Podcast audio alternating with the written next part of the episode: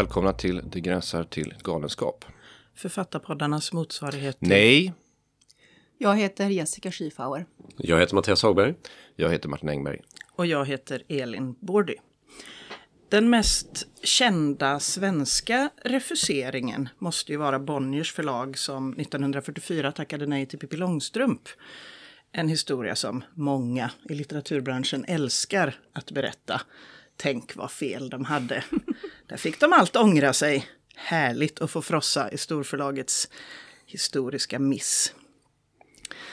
Refuseringar är ju onekligen något som väcker känslor och särskilt härligt är det förstås att prata om författare som senare blivit otroligt framgångsrika men först refuserade många gånger. eh, Wikipedia säger så här. Bland kända refuseringar av senare berömda författare, konstnärer och musiker kan nämnas Bonniers refusering av Astrid Lindgrens manus. Där har vi det igen. Bonniers refusering av poeten Erik Lindegrens manus. Skivbolaget Deckas refusering av The Beatles och Nationalmuseums refusering av Carl Larssons målning Midvinterblot. Refuseringarnas Pantheon kan man säga. Jag hittade några fler exempel i en artikel i Svenska Dagbladet. Eh, Stephen King sägs ha refuserats över 30 gånger innan Carrie kom ut, som blev hans genombrott. Margaret Mitchells... Det är ett helt halvårs arbete för honom. Ungefär, kanske, möjligen, tre månader. Margaret Mitchells Borta med vinden, 38 refuseringar. Moment 22 av Josef Heller sägs ha blivit refuserad med kommentaren Jag har inte den blekaste aning om vad mannen försöker berätta. Uppenbarligen försöker han vara rolig, kanske till och med satirisk, men det är verkligen inte roligt på någon intellektuell nivå. Författaren E.E. Cummings dedikerade en bok till alla de 15 förläggare som refuserat honom. Och Frank Baum förde bok över alla refuseringar av det som skulle bli Trollkarlen från Oz, kallad A Record of Failure. Men vi kör väl då. Hur mycket har ni blivit refuserade? Eller hur lite? Varsågoda, ordet är fritt. Jo, men en hel del eh, i början förstås. Jag sitter ju här med en liten med eh, refuseringar som eh, jag fick på den tiden när man fortfarande fick eh, brev som dunsade till i eh, brevinkastet med ett manus som kom tillbaka och ett långt eller kort brev, oftast ett kort brev. Eh, ja. Ju kortare desto värre. sparat dem i en pärm? Ja, men eh, det är, Är det ett ganska... självskadebeteende? Nej, det på något vis gör det ju också när jag satt och bläddrade i den här häromdagen så eh, minns jag ju en tid väldigt eh, och, och vad jag ville den tiden och så. Ja, jag blev väldigt glad för att det fanns ju också positiva ord på något vis. Jag liksom återknöt till, på något vis till den här känslan av ja, men, att vara på väg mot någonting kanske. Men du älskar ju pärmar, Mattias. Va, va, men just att spara refuseringsbrev i pärmar kändes inte... Det lirar inte med dig, eller? Pärmar har man Det bara ska till vara mer vissa saker. Ja, precis. Okej. Nej, jag bara tänkte att det kändes lite elakt mot sig själv att ha dem sparade på det här Jaha. sättet. Ja, men man behöver ju inte titta i den. Man, jag har, det, det märkliga var, jag är helt säker på att jag har mina sparade också i en perm. Jag kunde dock, dock inte lyckats lokalisera den här permen. Det var samma här. Så jag, var måste ha burit på- upp den på vinden. Och jag var på Eh, vinden ja. och letade efter, men jag har inte Ja. en pärm, jag har en sån här dragspelsmapp. Ah, Jaha. Men den, jag fann inte den. Nej. Jag tror inte att den är försvunnen, men uppenbarligen så... Ja, det var nå- något öde som såg till att jag inte hittade den just nu, tror jag. Det kanske var meningen. Den är förlagd. så. Däremot så hittade jag en helt omärkt perm i min källare som jag öppnade och som innehöll utskrifter av texter som jag har skrivit, noveller. Och det var väldigt konstigt för den första texten, som inte hade någon titel, hade jag inget minne överhuvudtaget att ha Oj. skrivit. Jag trodde att den var skriven av våran gemensamma vän Klara Bengtsson Nej, först. vad spännande. Tills jag läste vidare och bara, nej men jag kommer faktiskt ihåg. Det var väldigt märkligt. Ja, Men hur var det då? Att läsa sig själv och tro att det är någon annan som har... Jättekonstigt. Men jag, jag, och då var ju min ingång att det var bra för att jag trodde att det var någon annan. Så jag tänkte ja. Och sen oj, fast det här var... Så jag måste leta jag reda på den i liksom, digital form. Har jag den i min dator? Var befinner den sig? Vad gör den? Så, det, det är en parentes, men det var väldigt spännande. Men du har inte en perm då, Mattias? Nej, inte en perm. Och jag har nog varit, eh, inser jag när jag tänkte på detta innan, eh, så pass feg. Och, alltså att jag har aldrig vågat skicka in någonting. Med rädsla för att utsätta mig för detta som ni har utsatt er för. Och till, behöva samla ihop alltihopa i en perm och behöva Jag sitta tror och att titta det där. Så vore jag har bra liksom för dig att säga ordet med- högt, Mattias. Vad är, det du, vad är det du har blivit utsatt för? Att bli refusera. Bra. Jag tänker att det är, finns en stor poäng med att säga det högt. Flytta ut det ur kroppen. Ja. Kom, kom lite jag närmare mikrofonen. lite. Kom Ska jag komma närmare mikrofonen så ska jag säga refuserad. Bra, det var Nej. dagens KBT. Ursäkta att jag avbröt. Jag är rädd. nej, nej, men jag har nog så här, så jag jobbade lite mer försiktigt liksom. Började med att skriva eh, journalistiska böcker. Som jag i och för sig ville skriva, men, men på det sättet tog mig in i förlaget och, och kunde på något sätt gå över till att skriva skönlitterärt när jag redan hade nästlat mig in. Det är inte intressant att du tog dig in på förlaget som städare först och så liksom Ja, förbigående så råkade du lägga ett manus på. Ja, men så började jag, min tredje bok blev så här, oj den här journalistiska boken blev visst en skönlitterär bok. Kanske så. Nej, men jag- men, men, och sen så eh, var det ju liksom ett väldigt snällt förlag så då ku- kunde man ju liksom få kontrakt och, och jobba utan att behöva hålla på och visa upp någonting. Och, och bli refuserad och sådär. För att jag tänker att det, här, det är Men jag lite... hade nog aldrig, men jag måste bara säga, jag, skulle, jag vet inte fasken om jag skulle våga hålla på så mer och, och liksom skicka in saker och så. Ja, men det finns en skillnad mellan oss fyra där som jag tänker på nu. Som jag tror kan ha med det att göra. Eh, för vi kommer ju från skrivarskolebakgrund. Ja. Eh, och där minns jag att det var någonting där som bröt igenom. För att där var det så många andra som höll på med detta. Skicka in, skicka in, skicka in. Alltså det blev någon sorts, faktiskt inser jag nu när jag tänker tillbaka, väldigt kollektiv styrka. Liksom en peppig känsla. Att det var någonting som man utsatte sig för och så klappade man om varandra när det eh, inte gick. Och så sa man grattis till den som blev publicerad och så svor man i mjugg och var avundsjuk. Liksom. Svår i mjugg. Ja. Nej, men jag- för att jag tänker att det är det som är lite skillnad också. Vilken typ av, eller när blir man refuserad? Det är ju skillnad att jobba journalistiskt på ett sätt där man säger, ja men jag har den här idén, vad tror ni om att jag skriver en artikel om det här? Ja, Och men så de- går det ju till när man så skriver en reportagebok Ja, också. Jag så presenterar, här, det är ju en ja idé liksom. eller det här skulle jag vilja skriva om. något sätt. Och, och då, är, då, är, då är det liksom, då har man inte lagt ner jät- lika mycket arbete som när man liksom skickar, ja men nu har jag skrivit en novell och så skickar jag den till den här tidskriften till exempel.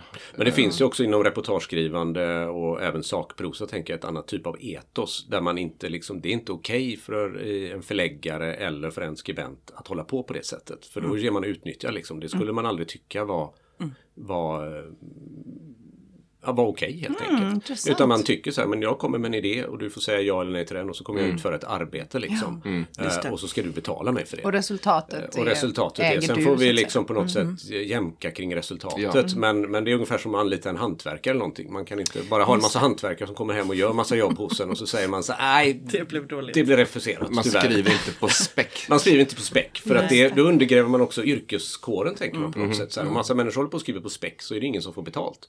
Utan då, är det bara, då kan de bara sitta och välja sen. Ja, att skriva på späck har egentligen- alltså ingenting med fett att göra. Kanske Nej, Nej, med det har det inte. Utan på det har med Spekulation. att göra. Det Men egentligen är, det, egentligen är det ju någonting ganska bra med det, tänker jag. Mm. Att det finns en mycket liksom, starkare, liksom, på något sätt facklig eh, Mm. sammanhållning. Att Mm. vi ska inte utnyttjas på det här sättet. Utan, för förlagen är ju ändå ganska fula emellanåt. Med, att, att med ja. att liksom sitta och, och låta folk eh, på, vara på halster.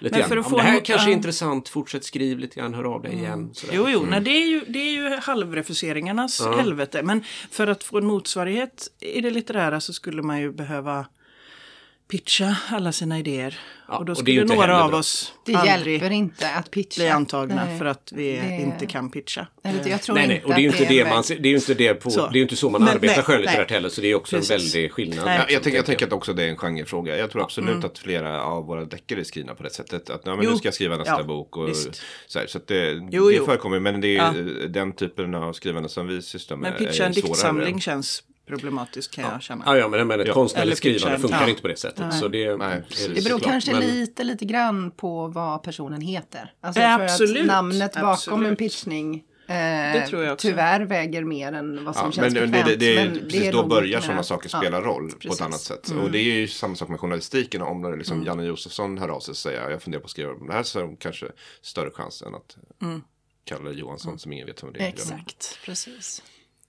Halvrefuseringarnas helvete. Nej, Vad nej men jag tänkte fantastiskt. på det här att bli hålld på halster och få ett för något? ja eller ett som man, jag har någon sorts uppfattning eller idé om att det blir vanligare och vanligare.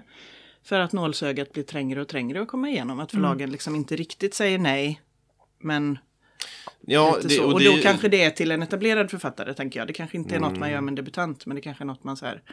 Nja, alltså, Ja, det, det, så, så har ju de flesta av mina manus sett ut. Att ja, man lämnar in ett manus som säger ja, mm, det, eh, det här, du kan väl försöka göra det här också. Eller liksom Mm. eh, jobba ett varv till liksom. Och så, Sen, sen men kan det har, vara en men, läsning där. ja, just det. Men har du upplevt ett riktigt intresse från dem då? Eller har du upplevt att vi vill bara, vi vill bara att du gör det här också, och sen vi lovar inget? Eller vi, Eh, hur har det känts liksom, eller varit? det har det känts som att det inte finns något löfte Nej, om att det kommer okej. bli utgivet. Nej, Det, utan nej. att det beror det på hur Mm. resultatet efter bearbetningen blir.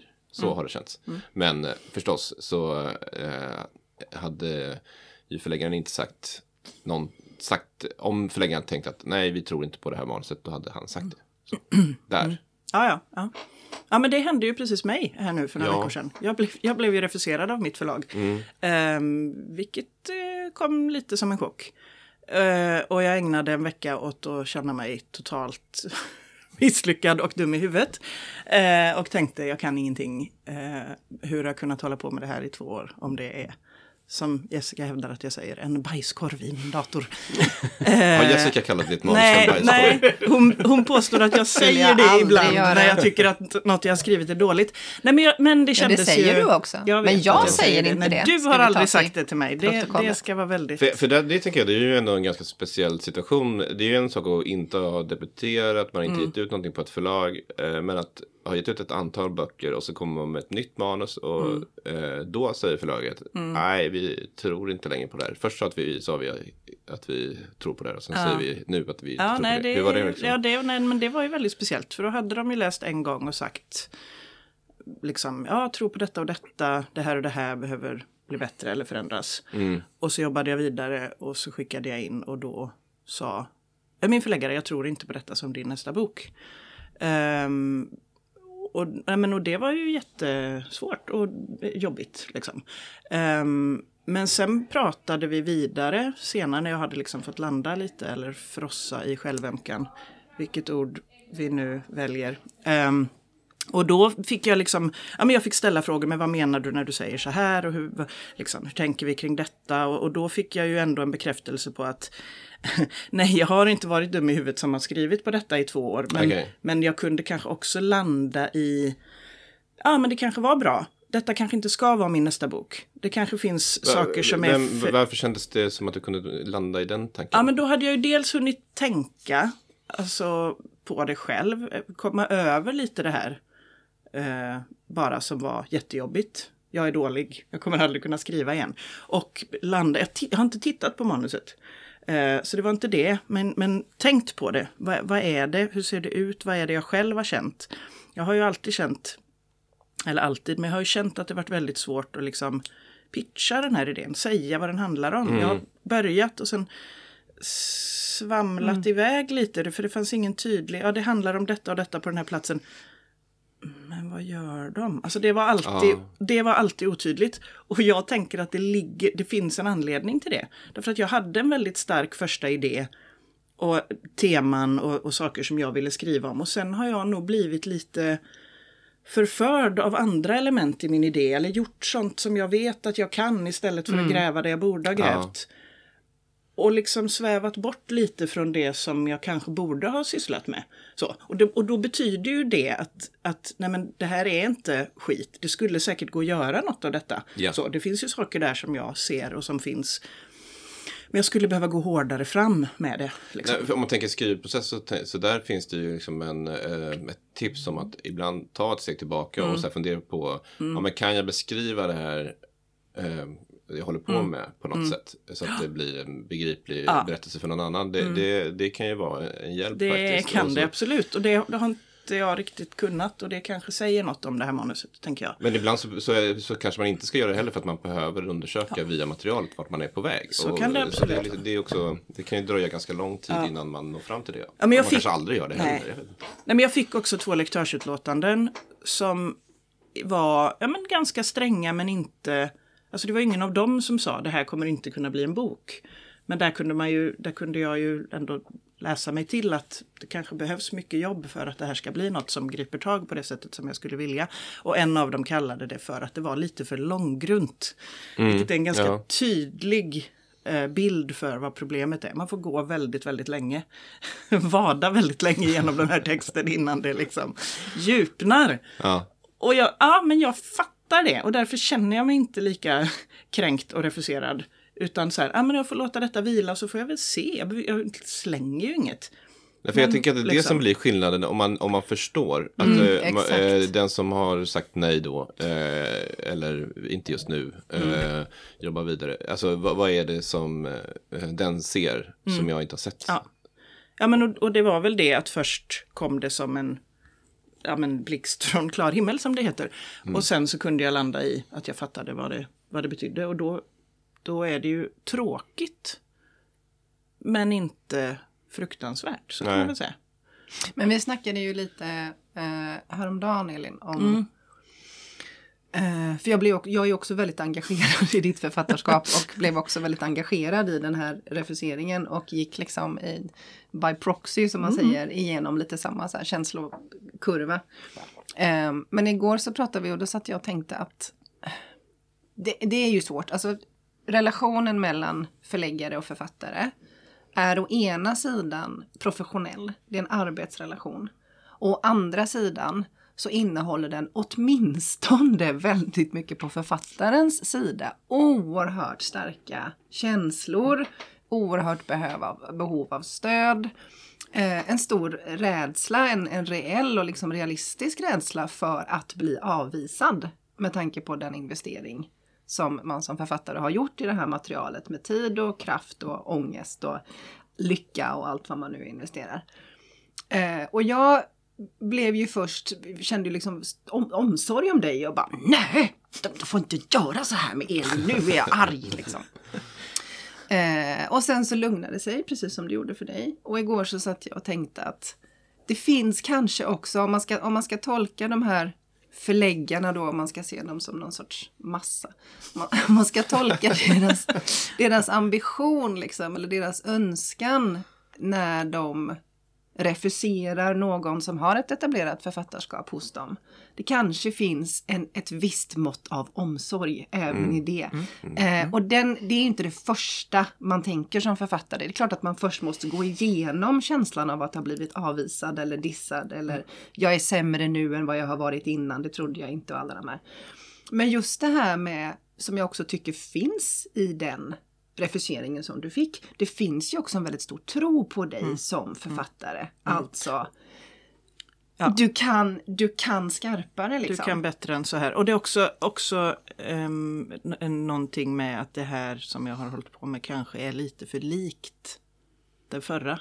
Mm. På, ju... på, sätt som är inte de bästa delarna av min förra. Så att säga. Och det, kan tänka att det eh. kan man också se utifrån två aspekter. Det ena är att Nej, förläggarna Alltså förläggare som, skön, som förlägger skönlitterära verk, de kan inte se sitt arbete som att de tar beställningar. Eller att de liksom kan beställa en viss typ av litteratur eller en viss typ av utveckling. Det får de bara lägga bort, för så funkar det inte, mm. vill jag säga. Um, men å, å, andra sidan så, jag tänker att om man ska jämföra det med till exempel eh, en tränare och en idrottsutövare så finns det ju liksom någonting i där. Du behöver en bättre teknik, du behöver prova någonting annat. Mm. Jag vill hjälpa dig att mm. hoppa högre, mm. jag vill hjälpa dig att simma djupare. Alltså, men, men det tar mig väldigt lång tid och dessutom så känner jag att jag kräver en del tillbaka av min förläggare i mm. tid och samtalsutrymme och möjligheten att fråga och jag vill, jag vill, mm. jag begär av min förläggare att den personen ska arbeta med att få mig att förstå vad det är som inte fungerar och vad det är den önskar, vad det är för potential den ser. Får jag inte det, då har jag ingen energi att gå på. Har, har du sådana diskussioner? Eh, det har varit, jag har ju haft olika förläggare i olika ja. genrer och sådär. Mm. Det har varit väldigt olika. Och de samarbeten där förläggaren inte har haft den lusten eller kapaciteten eller förmågan att ge mig de svar jag behöver eller åtminstone ge mig tid till att samtala om hur jag ska gå vidare när jag har fått en refusering. För det mm. har jag ju också fått av förlag som först har sagt mm. att de vill ge ut det jag håller på med. då dör jag liksom inombords. Det är ju som, och där vill jag återigen komma med det här med att ja, det är en arbetsrelation. Men för författaren så är det en otroligt stor känslomässig investering också. Men kan du inte berätta lite mer om det? Eh, Så du har också haft ett manus eh, efter att du gett ut dina böcker och eh, som ett förlag sa nej till. Ja, det gör jag Och gärna, men vad- Elin viftar här. Nej, nej, nej, jag viftade bara att, att du skulle... Hon visste nej, bara att jag det- stal var- hennes fråga. Nej, nej, nej. Ja. Det, det svävade förbi en tanke, men nej, men kör du. Nej men jag har lärt mig jättemycket om hur jag ska förhålla mig på den här processen. För att jag sålde eh, romanen som sen blev romanen Bärarna. Jag sålde den till ett förlag på ett synopsis och på typ 50 sidor gestaltad text. Jag sa förlaget, det här vill vi gärna ge ut. Och sen fick jag väldigt fria händer, vilket från början var positivt. Alltså, eh, skriv så länge, du, så länge du vill och så kom så läser vi när det börjar bli färdigt och så bestämmer vi utgivningsdatum. Så. Men jag hade ju fått ett kontrakt i förväg. Och sen vet jag banne mig inte riktigt vad som hände och det var ju ett av problemen upplevde jag. Att jag, inte, jag förstod inte vad som hände på förläggarsidan. Eh, jag kände att, att förtroendet för mig nästan var för stort utifrån fortsätt bara så blir det nog bra. Och det fanns inga vidare läsningar i den fortsatt bara utan Jag lämnade här, Vi in- vill att du, du Jag lämnade in flera gånger och fick också tillbaka läsningar fast inte från förläggaren i fråga utan från lektör. Okej. Eh, vilket gjorde att jag kände att jag inte riktigt var säker på vem det var, vems behov det var jag skulle, vems önskemål jag skulle möta. Om jag nu skulle möta någons önskemål. Jag behövde ju, jag ville ju förstå hur önskemålet ser ut för att kunna avgöra om jag var intresserad av att möta det eller inte. Ja. Eh, och den, den dimensionen av samarbetet fanns inte, vill jag säga. Eh, och jag försökte då lita på det jag hörde istället. Fortsätt du bara, så blir det nog bra. Och så skrev jag så att säga färdigt ett första eh, ganska matigt, ganska, ganska fullständigt utkast av helheten. Eh, och så skickade jag in det eh, och fick med vändande mejl svar. Åh, vad roligt! Eh, kan du komma upp till Stockholm så ska vi träffa en formgivare. Mhm. Hupp, tänkte jag. Har det hunnit bli lä? Ja, ja, visst. Gärna. Åker upp till Stockholm, träffar förläggare och formgivare. Har ett ganska märkligt möte. Där jag börjar förstå sakta att förläggaren och jag talar om mitt material på vitt skilda sätt. Alltså det känns inte som att det är samma bok. Ett par gånger så måste jag inför formgivaren rätta förläggaren. Nej, så händer det inte i det här materialet. Nej, så är det inte. Nej, det stämmer inte. Det blev ganska kymigt liksom. Jag blev lite pinsam.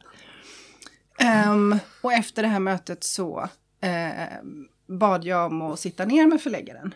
För jag ville ju veta vad den här personen tyckte om manuset som jag hade skickat. Och då hade vi kanske gått tre veckor från att jag hade blivit uppkallad till Stockholm och till att vi faktiskt var där. Liksom. Eh, men det fanns inte tid till det utan förläggaren rusade iväg ganska snabbt för den hade annat att göra. Jag åkte hem till Göteborg med en oerhört märklig magkänsla. Jag tänkte det är någonting här som inte känns bra. Och försökte under helgen bara så här. Men herregud, de har ju dratt igång formgivning. Det måste ju betyda att de tycker att det är färdigt. Ja, men det känns... Åh! Och på måndagen så fick jag mycket riktigt ett samtal från förläggaren. Eh, som sa att vi tycker inte att det här är färdigt. Det här kommer vi inte kunna ge ut i den här formen. Alltså det här är ju så ett typexempel på hur det inte ska gå till. Om man säger det, det, det Elin, Elins berättelse där tycker jag, ja men där är ju ett förlag som tar ansvar för texten. Det här är till er förläggare som lyssnar, en sedelärande historia. Men jag har ju varit med om exakt samma sak. Nej men gud vad intressant, berätta. Ja men och åker upp, har, liksom skrivit en roman som jag känner är att den här är färdig till två tredjedelar. Här finns en liksom, här finns stommen och allting men det behöver arbetas mer. Åker upp till möte på, till Stockholm med förläggare. Sitter ner, hon börjar visa eh, omslag och formgivning och sådana saker. Och jag blir så här Ja, det kanske är färdigt. Hon har lite, ja, jag har lite små saker bara och sånt där. Jag kommer mejla dem till dig sen på måndag liksom. Och det här mötet är över på en halvtimme och liksom, sen så pratar vi massa trevliga andra saker och sådana saker. Jag åker hem och lite så här flummig känsla av att jaha. Och, ja, men, och fint liksom uh, utarbetad liksom, eller förslag på hur boken ska se ut och sådana saker. Och sen så kommer det ett mejl på, på måndag typ också, eller när detta var liksom, som bara är så här. Ja men det här är ju bara 10% färdigt utav den här romanen enligt förläggaren. Liksom. Vad, vad, vad gör vi nu? Eller vad bara så här. Och det var ju fullkomlig härdsmälta i huvudet på mig. Innan vi fick rätt ut det. Sen, sen blev det Men- men- inga, det, det reddes ut väldigt Men bra. kära, förläggare, men, men, kära förläggare, sluta ha formgivningsmöten innan ni har läst det jävla manuset.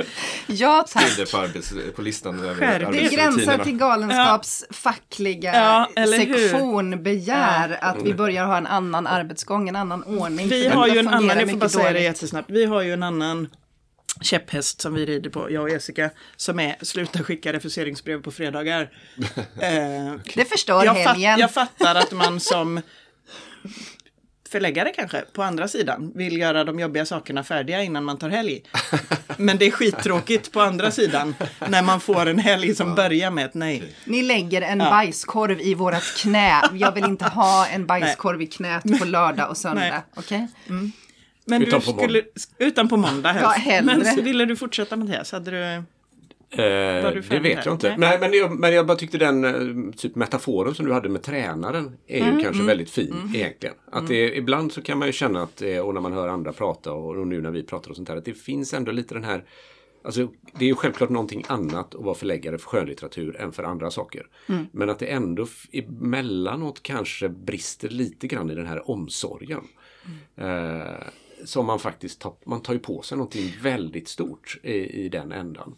Om ni, Eh, ja. Om ni ursäktar ytterligare en metafor. Så jag tänker så här, det här med vart, vart ska resurserna investeras? Vart ger de störst payoff liksom? Man pratar ju mycket om så, så här, eh, alltså eh, social vård i samhället. Alltså lägger vi resurserna i skolan Lägger vi resurserna tidigt eh, så kommer det att betala sig enormt. Lägger vi inte resurserna där så kommer det bli dyrt sen. Jag tänker att det finns lite ett liknande tänk där. När, alltså när författaren kommer med, med ett material som har någonting men som av olika vaga anledningar inte är färdigt, inte funkar, inte är utgivningsbart. Jag är övertygad om att förläggarna i 99,9 procent av fallen har en poäng när de säger det här är inte färdigt.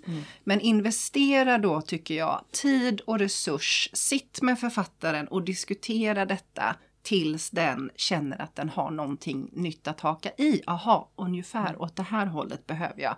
Det är ett knepigt samtal och det är samma sorts samtal som vi som jobbar med handledning i skönlitterärt skrivande har hela tiden. Det är svävande, men om man känner att man tillsammans letar efter vad är det som behöver göras och ger författaren den tiden då hittar ju författaren sin egen energi igen och kommer kanske antagligen göra en omarbetad version som inte ser ut som förläggaren har föreställt sig, men som möter Alltså som, som täcker upp för de brister som det hade innan. Liksom. Så kära förläggare, ta er den tiden. Det är värt det. Det är en samhällsekonomisk kalkyl. Ja, men jag tänker det här är ju eh, det du beskriver och det Elin också beskriver nu är i det klassiska förläggeriet där, där eh, författaren och förläggaren har en relation som är ganska lång och där man kan göra sådana saker som nej men du behöver jobba Ja. vidare med detta. Och eh, det kan man ju ibland se när författare har bytt förlag. Så då är det ju ibland så att det är en förläggare som har bytt förlag. Och då följer, följer, man kan följa Följa till med. exempel Torbjörn Flycks eh, författarskap. Han har följt med Stephen Farrelly varje gång Stephen Farrelly har bytt förlag till exempel. Eh, och eh, där är ju, får man ju då tänka att ja, men då finns det ett lyckat exempel på där en sån relation fungerar så pass bra att författaren eh, säger att nej men jag skiter i vilket förlag jag kommer ut på, bara jag får jobba med den här förläggaren.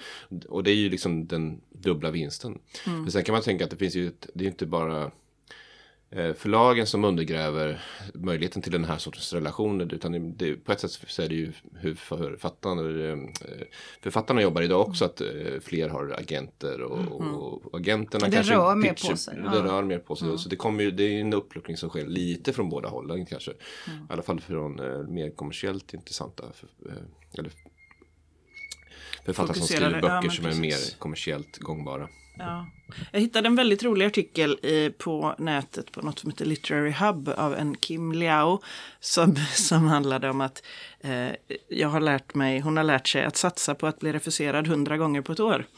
Hej, Eh, och, då, men, och då gäller det ju kanske inte bokmanus utan noveller, artiklar, stipendieansökningar. Så. Satsar jag på 100 refuseringar då kommer jag ju få några ja. Jag har blivit refuserad 43 gånger hittills i år men jag har fått ja fem gånger. Till eh, ett stipendium, en vistelse, tre artiklar. Och så har jag fått några liksom, positiva refuseringar inom citationstecken. Hon Jag tänker sig det att var man lägger ut en bombmatta Exakt, med material och någonstans så träffar det liksom så. målet. Jag Ja. tror hon faktiskt använder den metaforen.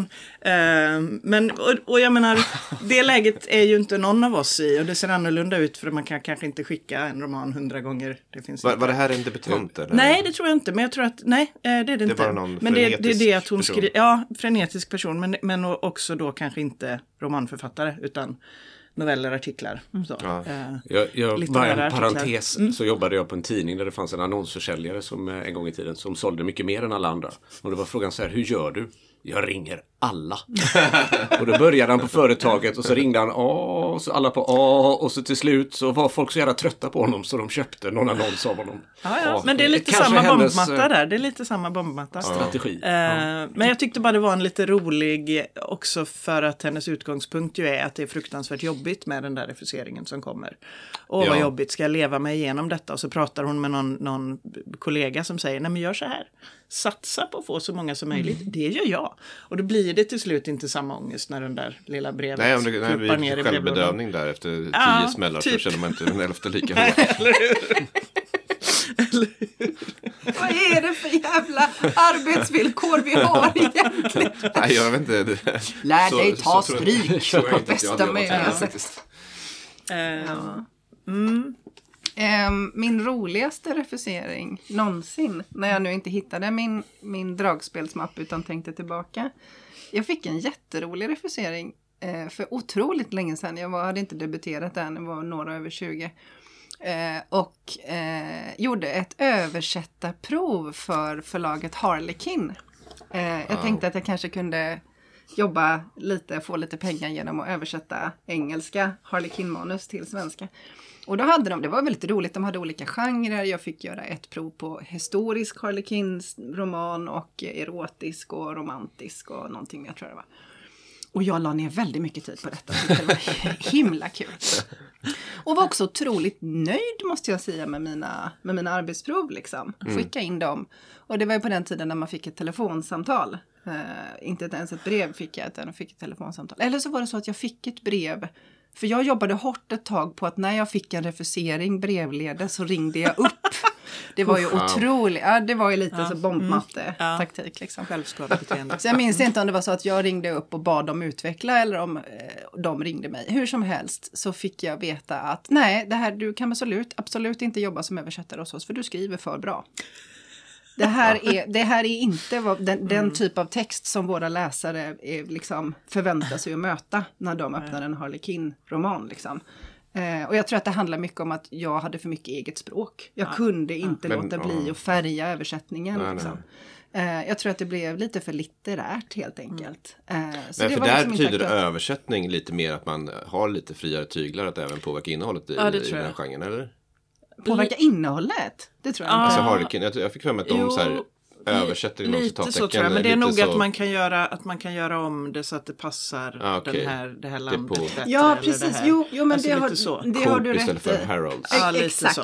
Det ska Eh, kännas igen, man ska känna igen det. Liksom. Lite som de fantastiska översättningarna i eh, Larsson, seriemagasinet eh, Larsson. Eh, som det. i princip bara hade amerikanska serier och som Ja. Provade sig fram och översatte liksom Bill Clinton till Göran Persson. Och så här. Det, blev, Jaha, det blev ofta ja. lite sådär. Ibland mycket bra, ibland mindre bra. Ja. Inte lika bra. Ja. Nej, men för mig, för eh, mig har ju ändå, jag har min, min perm här då med refuseringar eh, som är eh, också varit en sorts skola tänker jag för mig in i skrivandet. Där det ändå, ja men, har varit en, en, om skrivarkursen har varit en skola så har det här varit ytterligare en. Eh, och att förstå sig på hur det funkar överhuvudtaget. Att just, då var jag kanske lite av en bombmatta ett tag faktiskt.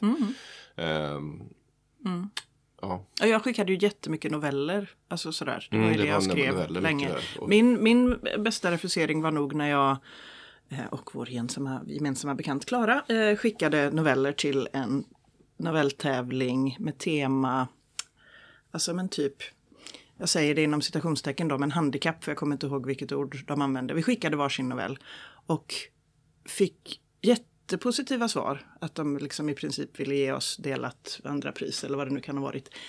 Tills de förstod att vi inte själva hade något handikapp. Jaha. För det var en out, ett outtalat krav. Jag hade skrivit om en blind kvinna Ah, hon hade skrivit om en tjej i rullstol. Eh, och när de då fick reda på, de blev också väldigt misstänksamma. Så här var det flera gånger för vi bodde i samma hus i Frölunda.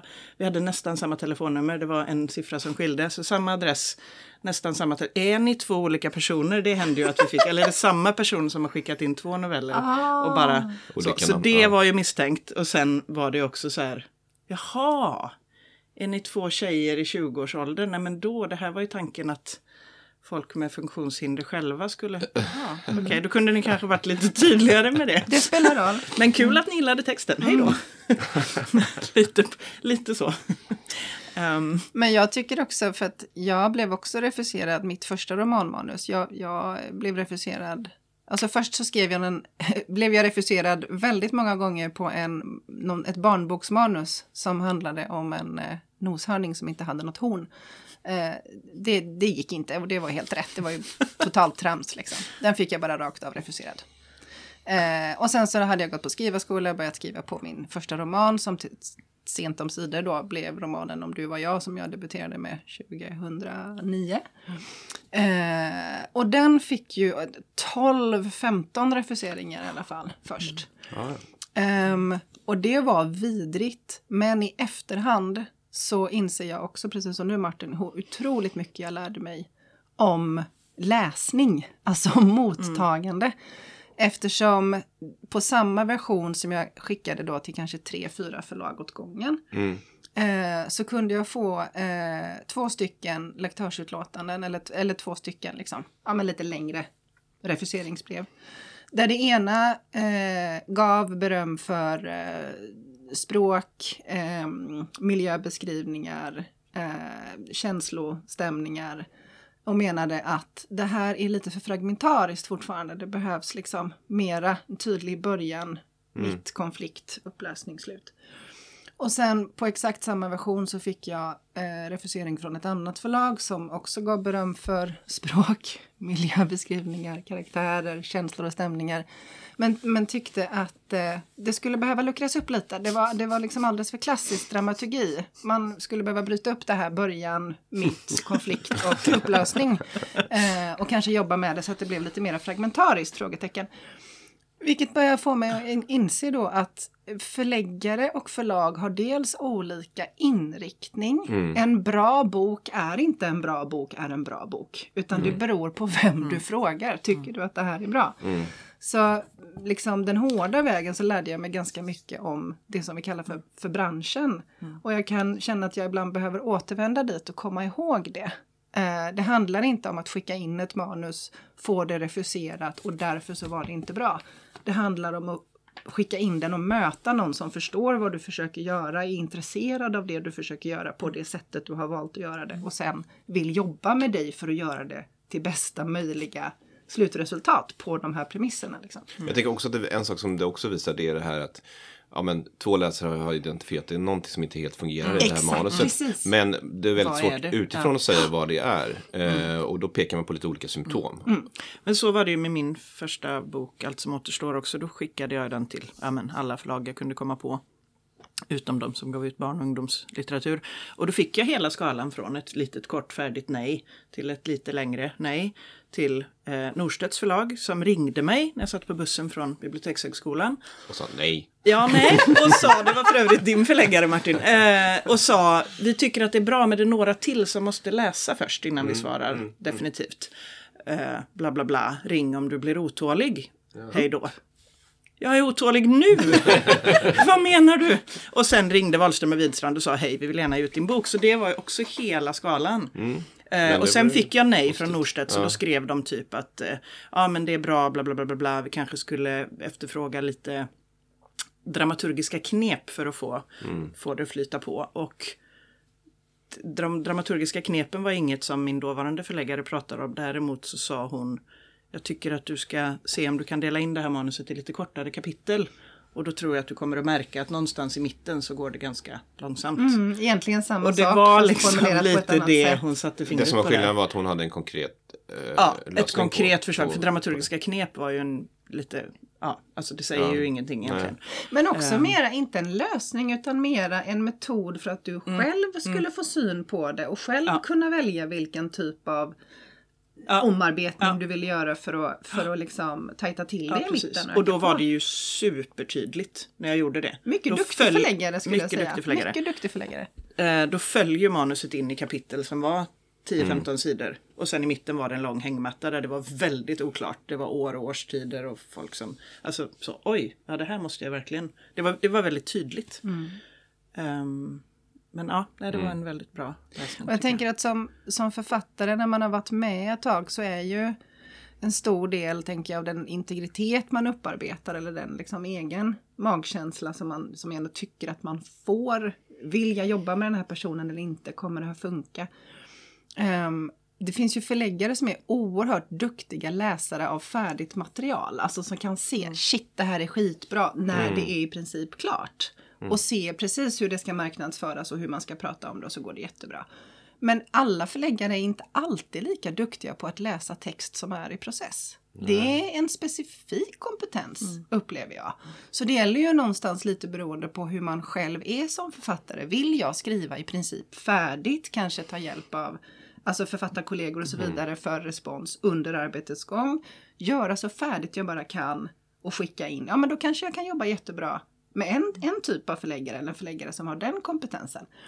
Men är jag en processskrivare som gärna vill ha en dialog med förlaget under tiden, ja men då kanske jag också måste fundera över men vilka förläggare har jag mött eller har hört talas om som är bra på att jobba så liksom. För det känns som att det är lite olika, det är lite olika talanger på något vis. Och det är en otrolig talang också att kunna se, alltså vara en person i det läget om man är redaktör eller förläggare som ser vad den här processen kräver för författarens skull. Liksom. Och inte utifrån vad man själv eh, föreställer sig att det här manuset ska bli eller någonting. Nej men för vet du vad, det där är Kunna- man- jätteintressant. Som Ja. kunna ställa sig själv i bakgrunden och så tänka sig vad vill den här personen? Vad kan jag hjälpa den med? Skitsamma vad jag själv tycker är bra. Liksom. Jag ska försöka liksom, se vart det här är på väg för författarens skull. Liksom. För jag, när jag skickade in mitt debutmanus och blev väl- väldigt refuserad, så fick jag ju från några förlag väldigt positiv respons, skicka gärna in igen. Eh, och lite då förslag på hur jag skulle kunna jobba med det. Och då fick ju jag för mig att det var de förlagen där, som jag hade störst chans att sen bli utgiven på. Men det visade sig att det var helt tvärtom. Och jag tror att det handlar om det här. Jag tror att de läser ett manus som har potential men som absolut inte är färdigt. Och då gör man sig en föreställning om hur det kan bli när det blir klart. Och sen så gör jag en omarbetning. Det blir bättre, det blir klart, men inte så som den här personen har föreställt sig. Och då tror jag det kommer en besvikelse. Så det förlaget som till slut tog manuset, det var ju ett som faktiskt hade glömt att de hade refuserat mig två, tre år tidigare på samma bok. Jag bara, för när jag fick ja från dem så påpekar jag ju det. Nej men gud vad kul! Jag skickade ju in det här för två år sedan. Liksom. Så, här, Va? Gjorde du? Nej, det har vi ingen minne av. Vem läste det? Det kan ha varit en annan som, person som läste det och det kan ha varit eh, en annan titel på verket. Och allt möjligt. Så var det säkert. Men just detta att de trodde att de läste det för första gången. Eller om, Ja, den, det, den, den som till slut antog det läste det för första gången och hade inte gjort sig en föreställning om hur det hade kunnat bli. Liksom. Jag hittade en eh, artikel i tidningen Skriva där Adam Dahlin på Forum förlag säger så här, apropå att skriva refuseringsbrev. Innan man skriver en så kallad uppmuntrande refus måste man fundera på om man verkligen vill ha det här manuset tillbaka, Ja. hur bra det än skrivits om. För om man uppmanar någon att återkomma efter omskrivning sitter man troligen med samma manus igen sex månader senare. Och det finns bara en sak som är värre än att refusera, nämligen att refusera ett manus en andra gång. Ja men så klokt. Ja, men där är ansvaret också. Ja, ja absolut, att man har ett ansvar för detta. Ja, precis. Hur ska jag formulera mig så att jag inte låter kanske då för positiv när jag egentligen vill säga nej, men ge några positiva ord på vägen. Då lägger vi till och gör det inte på fredagar oavsett om det är första eller andra gången du refuserar.